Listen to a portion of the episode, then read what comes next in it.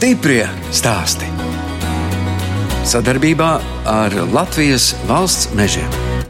Šīs telpas bija minerāļu glabātuve vai kaut kas tamlīdzīgs. Tad mēs atpirkām no zemniekiem. Tad es izdomāju, ka varētu būvēt koku karkas mājas. Tā ideja radās, kad aizbraucu strādāt uz Zviedriju, un tad uh, viņiem ļoti aktuāls ir tās koku karkas mājas. Protams, ar domu, ka kādreiz jāatgriežas arī no Zviedrijas mājās. Izdomājām, ka varētu mēs paši ražot šīs mājas. Tā stāsta Lauris Mitinieks no Madonas novada Mētrienes pagasta.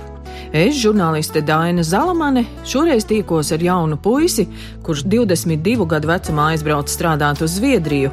Pirms četriem gadiem Lauris kopā ar brāli Aivi nodibināja uzņēmumu, kas palīdz puišiem no Latvijas atrast darbu Zviedrijā, bet pirms diviem gadiem izveidoja uzņēmumu Mithus un gatavo koka karkasa paneļu mājas Madonas pusē, dzimtajā Mētrienes pagastā. Starp citu, bērnības mājas ir eh, arī no ražotnes netālu, var teikt, divi kilometri attālumā. Tā dzīvojām ar visu ģimeni, arī metrienā. Viņš tālāk, citā vietā. Ko tad vecāki dara? Mamma strādā slimnīcā. Madonas? Jā, tētis ir otrās grupas invalīds Černobilietis. Par bērnību pastāstiet, augāt divu tādu brāli. Divi tādi brāli, jā, un tur bija četru dzīvokļu māja. Mājas nosaukums Līči. Dzīvojām četras ģimenes. Mammas māsa dzīvoja arī dēls un meita. Ir, un daudz bija bērnu, bija ko, ko spēlēties. Kā jums bērnībā bija pavasarām arī jāstrādā, kolekcijā kaut kas jādara? Man šķiet, manā laikā jau vairs nebija kolekcija. Neceros neko tādu, kas tāds - jauns. Jā, dārsts, protams, pašiem bija. Nu, tajā laikā man šķiet, kuram nebija dārza. Tētis tika ravēt, jā, ar kaut ko. Un patika? Tajā laikā jau gribās paspēlēties tikai ar dārzu ravēt. Bet, protams, darbi tika darīti, un vecākiem maksimāli mazāk pretī tika runāts. Kādus darbus vēl darījāt? Būvēju štābiņu kokā. Tad no tiem līčiem pārvācāmies uz rēzeknītēm, vēl tuvāk teču dabas rezervātam. Lopus tam man šķiet vairāk neturējiet, kur ir zaķīši vistas. Skolas liekos, man tāda liela novirza visus tehniku uz mašīnām, mopēdiem, viss uz kaut ko tādu bija. Tajā laikā bija savādāk. Ja tajā laikā mēs tur ar riteņiem braukājām uz ezeru un, un spēlējām futbolu vai kaut ko tādu vakaros, tad tagad noskatos tikai, ka viss stāv tukšs un varbūt nezinu, visi telefonus spēlē vai kaut ko tamlīdzīgu. Datorus. Datorus, jā. Es pats pēc profesijas vispār beidzu Viljānu 41. arodvidus skolu kā elektriķis. Profesijā es nostrādāju šeit Madonā, man šķiet, pusotru gadu. Biju uzņēmis SIA reģions dēlu.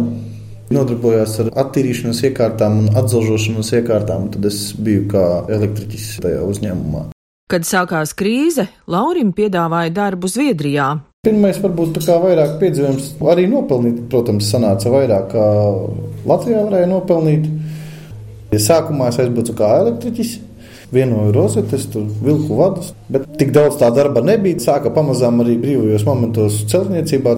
Un tajā pirmajā reizē aizbraucām trīs gabali, tad jau bija četri, seši.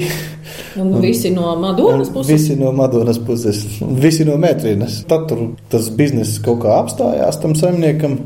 Atgriezāmies Latvijā. Tad atkal viņš pēc kāda laika zvanīja. Tad, kad braucam atpakaļ, tāpat celtniecībā, jā, turpinājām strādāt. Pēc kāda laika sākās tās koku karkasa mājas. Sākumā gan bija pilnīgi nesaprašana, kādā veidā var uzbūvēt māju divu dienu laikā. Bet pirmajā dienā, kad mēs to ieraudzījām, man tas likās ļoti interesanti. 200 km2 māju zem jumta saliek vienas dienas laikā. Četri puiši ar celtņa palīdzību. Tajā laikā, kad strādājām, mēs strādājām zem apakškompānijas, kur jau nopelnīt varēja ļoti maz. Vairs.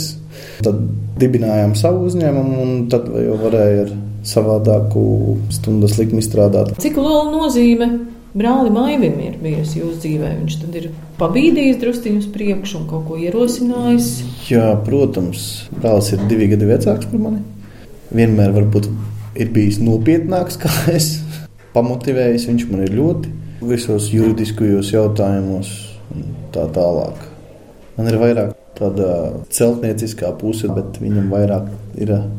Nu, tās finanses, bankā fin, strādā. Finanšu lietas varbūt, jā. Kopā ar brāli Aivi Mitenieku, kas ikdienā strādā finanšu jomā, brāļi pirms četriem gadiem izveidoja uzņēmumu Latvijā, kas palīdz atrast Latvijas puišiem darbu Zviedrijā. Tad nāca vienkārši kaut kāds laiks, kad arī gadās kaut kādas lietas ar to, ka tur Zviedrijas pusē kāds nesamaksā un kas. Un tad mēs kaut kā runājām, ka varbūt tu kļūsti patstāvīgāks, tu sāc mēģināt kaut kā pats par sevi. Un tad uh, radās tas uzņēmums, kas šobrīd arī strādā Zviedrijā, viņš ir no Latvijas. Uzņēmums ir dibināts Latvijā un arī joprojām mēs visi darbinieki, mēs arī nodokļus un visu pārējo samaksājam tepat Latvijā. Bet nu, tu vari aizbraukt komandējumā, bet tu nedrīkst braukt ļoti ilgi. Un tad bieži vien ir tā, ka tu vari dabūt puikas, kas ir gatavi palīdzēt kaut kādās lietās, nu, pieņemsim, tur elektriķus un santiķus, aizbraucam kādu objektu, pabeidzam, un viņi atkal brauc mājās. Viņi turpat ilgstoši nepaliek. Tie puiši, kas mums strādā savukārt lietas koku māju ražotnē, viņi tās savas prasmes arī ir apguvuši tādā veidā, kad aizbrauc, nedaudz pastrādā, un tad mēs viņus varam dabūt atpakaļ uz Latviju un to darbu turpināt darīt šeit. Un vairs jau nevis uz vietas, uz Zviedrijā būvēt tās mājas, bet tepat tās Latvijā un tās mājas jau sūtīt eksportā. Kas man liekas arī tas lielākais mērķis. Šobrīd tas uzņēmums mums vēl joprojām ir dzīves, tas Latvijas uzņēmums, kas strādā Zviedrijā, un ir vēl arī darbinieki, bet tas mērķis ir vairāk, lai gūtu kaut kādu peļņu, lai varētu attīstīt atkal to ražotni šeit. Bet ir arī tā kā stāvēšana uz divām kājām, ja nu pēkšņi Jā. kaut kas šeit Latvijā neaiziet, tad ir iespēja atkal um, pastrādāt darbiniekiem Zviedrijā. Tādā īsā termiņā, jā, bet tur es teiktu, ka neviens no tiem puišiem īsti nav tie aizbraucēji. Jo viņi aizbrauks, viņi aizbrauks kad vienu, diviem mēnešiem, viņi atbrauks ātri vien atpakaļ un uh, varbūt arī vairāk pat nemaz īsti nebrauks. Jo šobrīd arī tādā būvniecības nozarē no Latvijā nav grūti atrast to darbu. Un jautājums ir par to apmaksātību un par to tavu kvalifikāciju.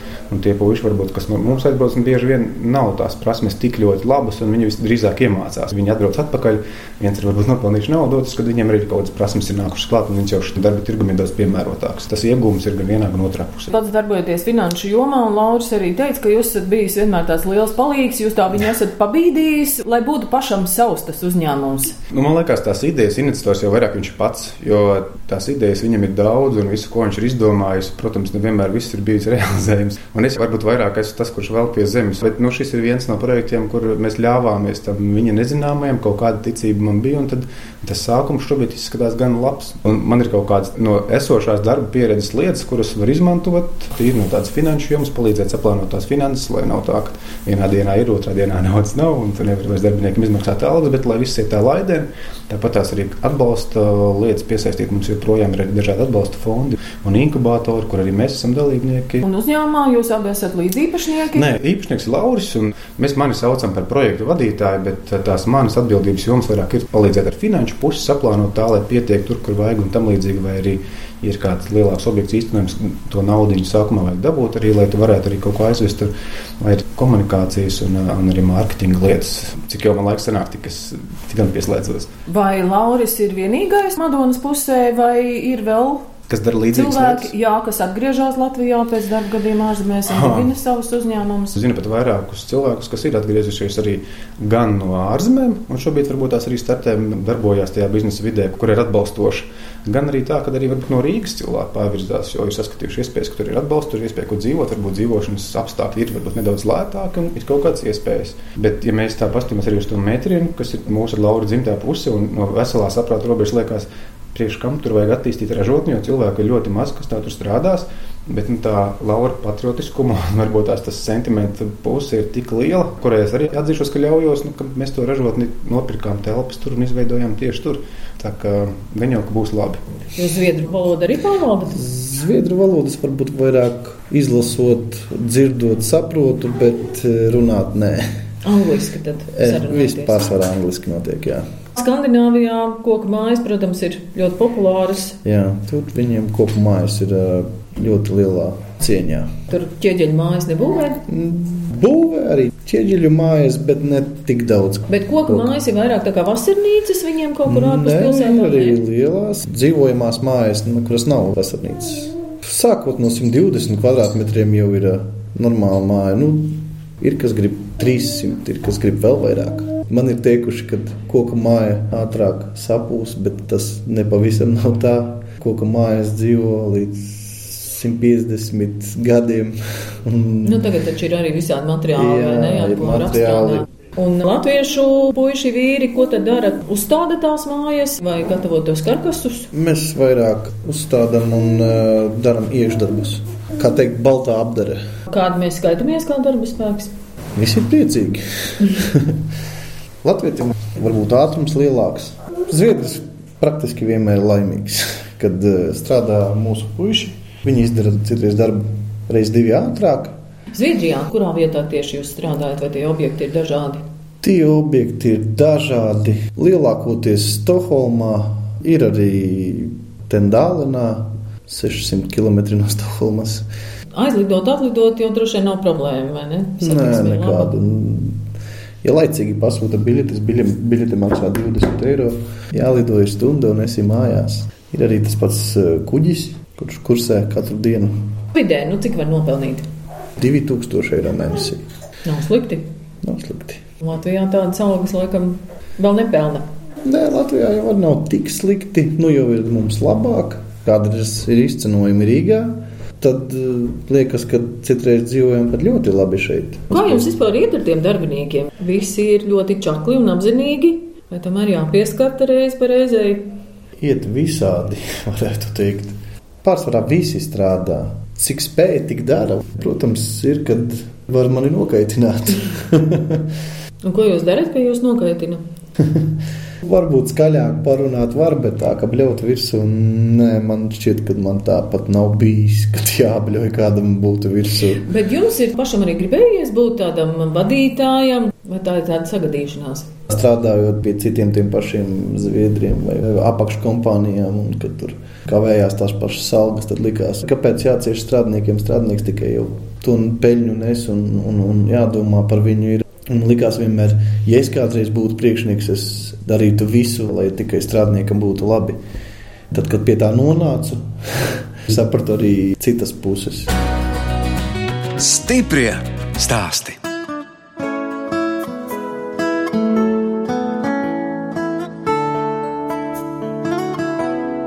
Jūs klausāties raidījuma stiprie stāsti.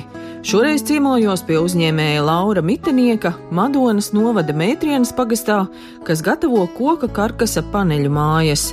Savu biznesu Mētrienas pagastā viņš uzsāka, kad nopirka bijušo minerālu mēslu glabātuvi. Jau divus gadus tur darbojas uzņēmums Mithus, kurā ir pieci darbinieki. Arī no mūsu bērnības zemnieks mums vienmēr eh, ļāva šajā ēkā taisīt mašīnas, mopedus, riteņus un visu pārējo. Tad Nu, Tur ir pavadīts ļoti daudz laika, tādas sentimentālas atmiņas. Jā. Protams, vienmēr ir domāta iespēja, kā atgriezties atpakaļ Latvijā. Un šī bija viena no tādām labām iespējām uzbūvēt šo karkasu mā- māju ražoti. Varētu puiši atgriezties no Zviedrijas, Latvijā. Un kāpēc bija tā doma par to, ka jāatgriežas? Mājas, mīļās mājas, varbūt tā. lai nu cik labi pelnītu un lai cik labi ietu vai neietu ārzemēs, vienmēr galvā doma, cik labi ir mājās. Es nepazīstu nevienu, kurš saka, nē, es palikšu visu mūžu Zviedrijā. Ir puiši, kas eh, saka, ka kādu laiku varētu padzīvot Zviedrijā, kamēr nostabilizējas. Ražotnē satieku trīs uzņēmumu Mithus darbiniekus - Raivi Zepu, Kasparu Kamīnski un Jevgēniju Paulovu. Viņi gatavo koka lapeni, kas tagad jau uzstādīta pie ezera. Renovātoru slīpēju. Dēli, lai gudāks. Jā. Nu, tas ir, kur sēdinās iekšā latus. Tas, kas tagad top, ir nevis māja, bet Bet lapenīte mūsu pagasta ezeram. Mēs atbalstam Bišku pagastu. Viņiem projekts, un tad viņi palūdza, vai mēs nevarētu atbalstīt viņus. Mēs piekritām. tā jums īpaši jāpacenšas. Jo Nu, paši jā. jau te sēdēsiet droši vien Protams, kādā skaistā vasaras vakarā. nu jā, Un pie kāda ezera tad pie būs? šī- Odzienas mūsu vietējā ezera. Tur viņiem projekts ir laipas taisīt un tur visu uzkopt. tā. Redz, kā jums arī darbiniekiem ir tādas jaciņas ar uzrakstu Mithus. Jā. Kāpēc tāds no Bikses? Tas jakas siltās ir, jā, Tas esat apģērbti, jā? jā, uzņēmums rūpēs par mums. Tas tā ir no tā zviedru darba stila, darba Jā, organizācijas. tas tā kā varbūt nāk no zviedru darba stila. Protams, arī iespaidīgāk, kad atbrauc kompānija, visi ir saģērbti un izdara darbu. Un kāpēc tās nosaukums Mithus? Tas varētu iztulkoties kā mūsu māja. Tas ir zviedriski. Ne. Tas ir no visādām valodām salikts viens kopums. Kus ir māja? Trīs puiši. Nē, jāsaka, trīs vīri, vai ne? Bet jūs visi esat šeit vietējie no Mētrienas Jā. pagasta. Cik te jums katram ilgs ir bijis tas darbs ārzemēs? Mēs kopā 22 gadi. Un te jūs bijāt gan Zviedrijā, Gan Vācijā, gan Dānijā, gan Anglijā, gan Īrijā. un tad Zviedrijā. Ilgi to laimi meklējāt. nu, ja? Un kādos darbos Es jau visur braucu tikai uz gadu, bet nu, sanāca ilgāk. Pabeidzu meža tehnikumu, nebija ne darba vieta, nekā. Kaut kas bija jādara. Un tad bija iespēja braukt uz Vāciju, mācīties un strādāt. Un tā viss sākās. Jevgeņī, kā jums? Nu, es pie Laura divi gadi tad pa Zviedriju nostrādāju. Beigās Lauris izdomāja, ka labāk tepat uz vietas kaut ko sākt darīt. Tā atgriezāmies Latvijā. Mēs jau tā mazāk, es uz ārzemēm vairāk izmantoju kā ceļošanas veidu. Un jums bija viņa tā īpaši jāpierunā, lai atgriežas Latvijā. Nē, nebija īpaši jāpierunā. Puisi jau bija priecīgi par domu vien. Kā radās iespēja atgriezties Es biju mājās pat un priecīgs. tā uzreiz bija visiem smaids sejās un dodamies mājās. Pie ģimenes tomēr esi mājās un, un tad nav jādomā, kā viņiem iet. Atgriezās atpakaļ, tāpat tās nauda tā pati gandrīz sanāk un dzīvojies normāli. Mājās ir mājās. Lauri, jums meitrienes pagasts kādu ordeni neiedos, ka jūs esat trīs puišus esat atvilcis atpakaļ uz Latviju. Nezinu, skatīsimies. Ražotnē atrodas gatavi māju karkasi, kas tālāk ceļos uz Zviedriju. Logi durvis viss jau ir iestiklots un gatavs uzstādīšanai objektā. Un kas tad šitie jums skaitās par Šie ir galdiem? darba galdi. Bet tādu ir, sliedītēm. Jā, jo mēs nedaudz esam ierobežoti ar augstumu. Tāpēc projektētājs palīdzēja mums ar labu domu, kad uz sliedēm ceļot ar teleferi augšā, to mājas karkas apgriezt otrādāk. Pirmo galdu uztaisījām 15 metru garu. Tas tāds maksimālais sienas garums. Otrais galds mums ir uh, 7 metri garš. Te pa malām jau ir sakrauti dēļi, tad te jau žūst Jā. koku materiāls. Koku materiālu mēs pērkam izžāvētu jau ar C24 standartu. Tad, kad ir gradēts un kaltēts koku materiāls, viņam ir jau Eiropas certifikāts. Drīkst izmantot konstrukcijās. Pārsvarā egli priedi materiālu iepērkam tepat Madonā. Un, e, specifiskākus tad no Rīgas veidu. Kas tad tur jau jums ir? Kaut kādas sagatavas arī jau sagatavotas, jā? Šeit ir izgatavotas gatavas spāres, kas objektā ļoti ātri tiks saliktas kopā, saskrūvētas un uzceltas uz mājas augšā, lai objektā uz vietas nevajadzētu viņas ražot. Sapakotas, lai mazāk aizņem vietas transportēšanai. Lauris Mitinieks stāsta, ka uzņēmuma Mithus dibināšanā lieti noderējis Madonas pašvaldības finansiālais atbalsts. Piedalījos tādā granta konkursā Madona var labāk. Madonas novada pašvaldības konkurss, jā, kas palīdz jaunajiem uzņēmējiem. Grantu man arī piešķīra. Sanāca iegādāties sākotnējos instrumentus. Tad mēs iestājāmies biznesa inkubatorā Madonā. Tā esam nonākuši tik tālu. Ja tā visa nebūtu, tad jūs arī nebūtu sācis veidot savu uzņēmumu. Uzņēmumu varbūt būtu veidojis šā vai tā. Protams, tas būtu daudz grūtāk finansiāli. Ko jums tas biznesa inkubators tagad palīdz? Notiek mācības, mācījos par pasīvajām ēkām, kā māju var apsildīt, teiksim, pietiek ar fēnu vai ar četriem cilvēkiem mājā. Ļoti interesanti. No 2019. gada būs tikai un vienīgi tās pasīvās mājas. Būs arī 19. un koku 20. Jā, jā, jā. Siltinājuma daudzums var būt savādāks, un ventilācijas iekārtas, un logi un vispārējais specifiskāks. Pasaule mainās, vai ne? Pasaule mainās. Jā. Kas ir grūtāk aizbraukt, mēģināt iedzīvoties citā vidē un strādāt vai dibināt pašam? Man liekas, ka pats sarežģītākais ir tas moments, kad tu brauc projām un pirmās dienas iedzīvoties. Tas ir tāds pats sarežģītākais. Tā ražotne metrienā. Cik lielu jūs to ražotni gribat, cik darbinieki? Kā dzīve aiznesīs? Protams, jo vairāk, jo labāk. Bet, eh, ja iet lēnām, arī nav slikti. Galvenais, lai puišiem vienmēr ir darbs. Kur te jūs pats tagad dzīvojat? Koka mājā? Pats dzīvoju dzīvoklī. ir plānā eh, Šeit Madonā? Madonā jā, uzbūvēt eh, sev māju netālu no slimnīcas. Tas nozīmē, ka zeme jau ir nopirkta. Jā, zeme jau ir iegādāta, bet kaut kā tie plāni visu laiku atliekas. Ir citas vajadzības. Mithusā gribu uztaisīt oficiālu priekš sevis, lai to darbu varētu varbūt aizvest no dzīvokļa projām. Protams, arī jāierīko ir virtuve, lai puiši var kur aiziet pāriest pusdienas vai vakariņas. Stiprie stāsti.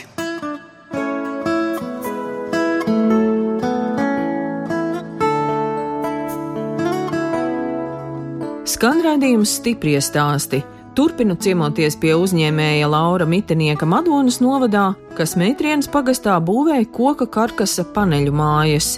Vēl viens svarīgs iemesls, kāpēc Lauris atgriezās Latvijā, ir viņa draudzene Helēna un mazais dēliņš Aleksis. No 22 gadu vecuma jūs dzīvojāt Zviedrijā, neviena zviedru meitene neiepatikās. Mēs daudz strādājam. Es visu laiku, varbūt divas reizes esmu bijis kaut kādā pasākumā. Pat labi, arī varbūt tā sanāk, ka man atpūta liekas, ka tas ir sēdēt pie televizora un nezvana telefons. tā ir atpūta. Laura draudzene Helēna Ravinska stāsta, ka dzīvojot kopā ar uzņēmēju, jārēķinās ar dažādiem blakus apstākļiem. Kā jūs raksturot, kāds ir Lauris? Nu, man viņš liekas tāds labsirdīgs cilvēks. Tieši to arī gribēju teikt, ka labsirdīgs, jo šeit pat pārāk daudz. Es jau saku, ka vajag drusku, drusku vairāk to stingrību savādāk.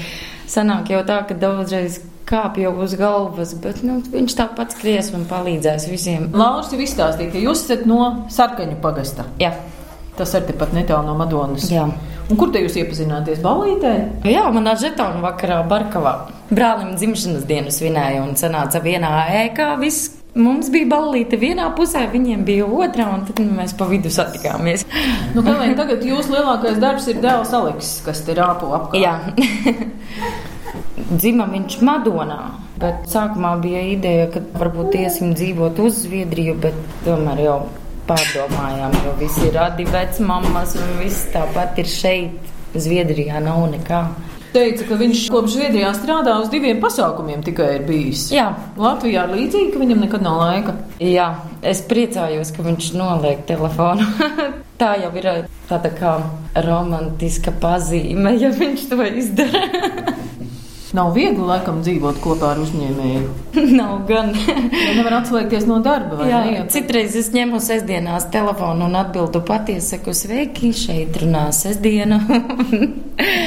tad, vai svētdiena? Jā, un saka, nu tad pazvanīsiet, kad būs pirmdiena. Un pēkšņi nevienam vairs neko nevajag. Kas tad jūs, Helēna, esat pēc profesijas? Es esmu viesmīlības pakalpojumu speciāliste. Un iznāca arī pastrādāt? Nē, es strādāju vienu brīdi arī Latvijas Zviedrijā, krāsoju ēku fasādes. Viesmīlē uz stalažām. Kā bija? Ļoti patika, vēl tagad pietrūkst. Tad jūs esat tādu rullīti? Ar rotu. Nu, praktiski gan, gan. Pielabojām, restaurējām tur tādus kā logus. Kāds tad ir Aleksis? Kam līdzīgāks raksturā? es domāju, ka Aleks jau ir zem galda. Čau, Aleks! Panākt savu? Nu jā, pačīkstēt, kamēr jau dabūs visu, ko grib. Lauris jau teica, ka kāzas ar tomēr kaut kad būšot. Būs, būs, tikai redz, ka tik daudz to darbu ir, kad nevaram viens saplānot. Kā jums patīk pavadīt brīvo laiku? Es saprotu, brīvais laiks ir tad, kad uh, Helēna atslēdz to telefonu. Ja? ja tas kādreiz vispār izdodas. Nē, mēs tagad bijām atpūsties Lietuvā uz spā. Un Lauris pat izslēdza telefonu. Vispār, jā, viņš pirmo reizi kaut ko tādu redzēja. Es vienkārši svētlaimē vēl nedēļu jūsmoju pēc tam, ka tiešām tās trīs dienas pavadījām tikai mēs divatā un bez telefona. Bērns ar pie vecmammas bija. tikai mēs divi. Hobijs mums ir uh, dīvains.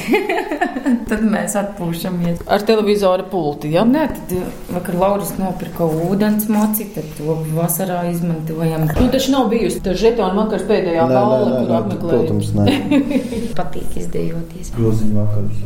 Groziņu vakars. nu, jā, pasēdiet forši. Tas gaļas cepšanas mēs Aizbraucam uz to pašu ražotni, tur sarīkojam kopā ar strādniekiem. Helēna, bet izstījās, ka jūs arī visus tos puišus pazīstat, ka visiem tur parunājaties. Jā. jā. Visi savēji, nu kā viena liela ģimene, un Zviedrijā ir pilnīgi tas pats. Mēs visi dzīvojam vienā mājā, kā radio. Ļoti labas attiecības ir vienam ar otru. Visi arī cenšas jau izpalīdzēt arī viens otram. Un jauks kolektīvs. Un redz, kā jūs arī nesat tomēr pametuši to Madonas pusi. Jā, es nemaz negribētu nekur citur.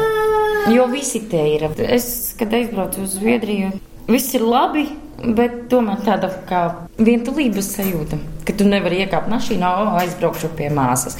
Kā mēs ar Aleksu Lauris, kamēr ir prom Zviedrijā, Mēs tik mašīnā dzīvojam, un te braucam pie viena rada, pie otra, trešā. Tā braukājam visu apkārt. Cik bieži Lauris vēl aizbrauc uz Zviedriju? Nu jau paretāk. Nu jau pavisam kā Aleks mums piedzima. Ļoti reti. Bet arī braucam visi trietā uz Zviedriju. Mazajam ļoti patīk kuģot. Pirmajā jau mēnesītī jau aizceļojām. Tad ir pieredzes, ja? Jā. pie braukšanas. Tad viņam labāk ar kuģi nekā ar lidmašīnu. Nesam vēl ar lidmašīnu mēģinājuši, bet kuģis ļoti patīk. Raidījums skanēs lieldienās. Parasti ir tā, ka tad, kad piedzimst tie bērni, drusciņi paaugās, nu, tad jau arī bērnu dēļ tie svētki arī mainās. Nu, vēl jau Aleksītis ir maziņš. Maziņš, gadiņš tikai. Kā jūs parasti svinat lieldienas? Šajās lieldienās mēs ceļosim ar ģimeni uz Turciju. Jā, Kurortu. Jā. Tad olas nebūs. Olu nebūs. Varbūt Turcijā atradīsim. Šis ceļojums mums būs pirmo reizi, ka kaut kur tik tālu dodamies. Kā tad brauksiet ar lidmašīnu? Jā, tas būs pārbaudījums gan mūsu nerviem, gan Aleksa. Kā tagad ceļo, ka paņem Vecmāmiņu mēs arī ņemsim līdzi. Vecmāmiņa būs Jā, līdzi. vai iet reizē ar Aleksi gulēt? Nu jā.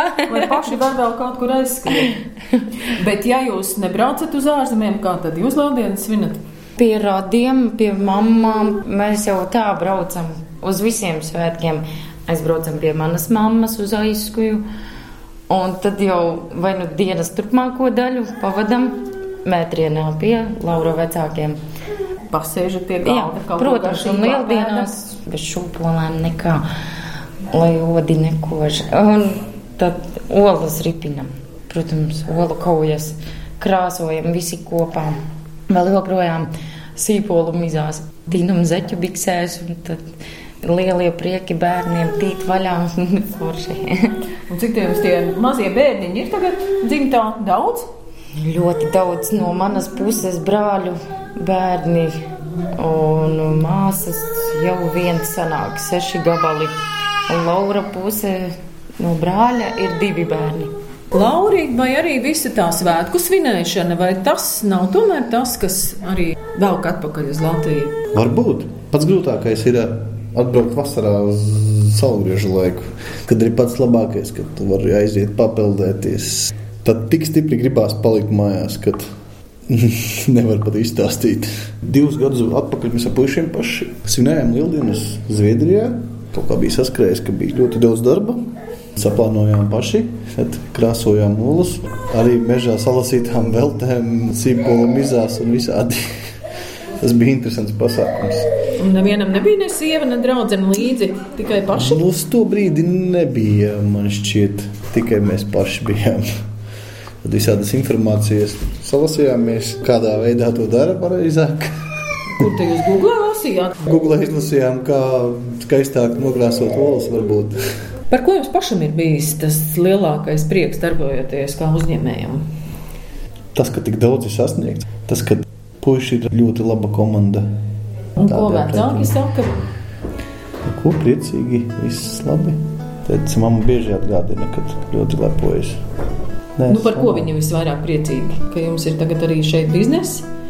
Arī un vienkārši kaut kas notiek un kaut ko dara. Ēka nav tukša un kaut kas notiek.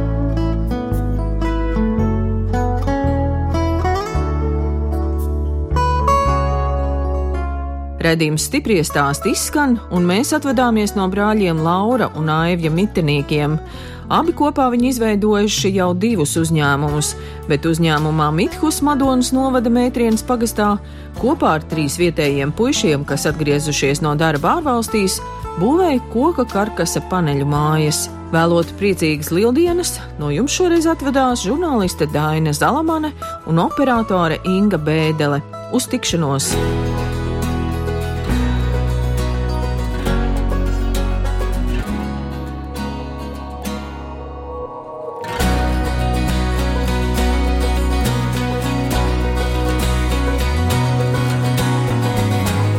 Stiprie stāsti.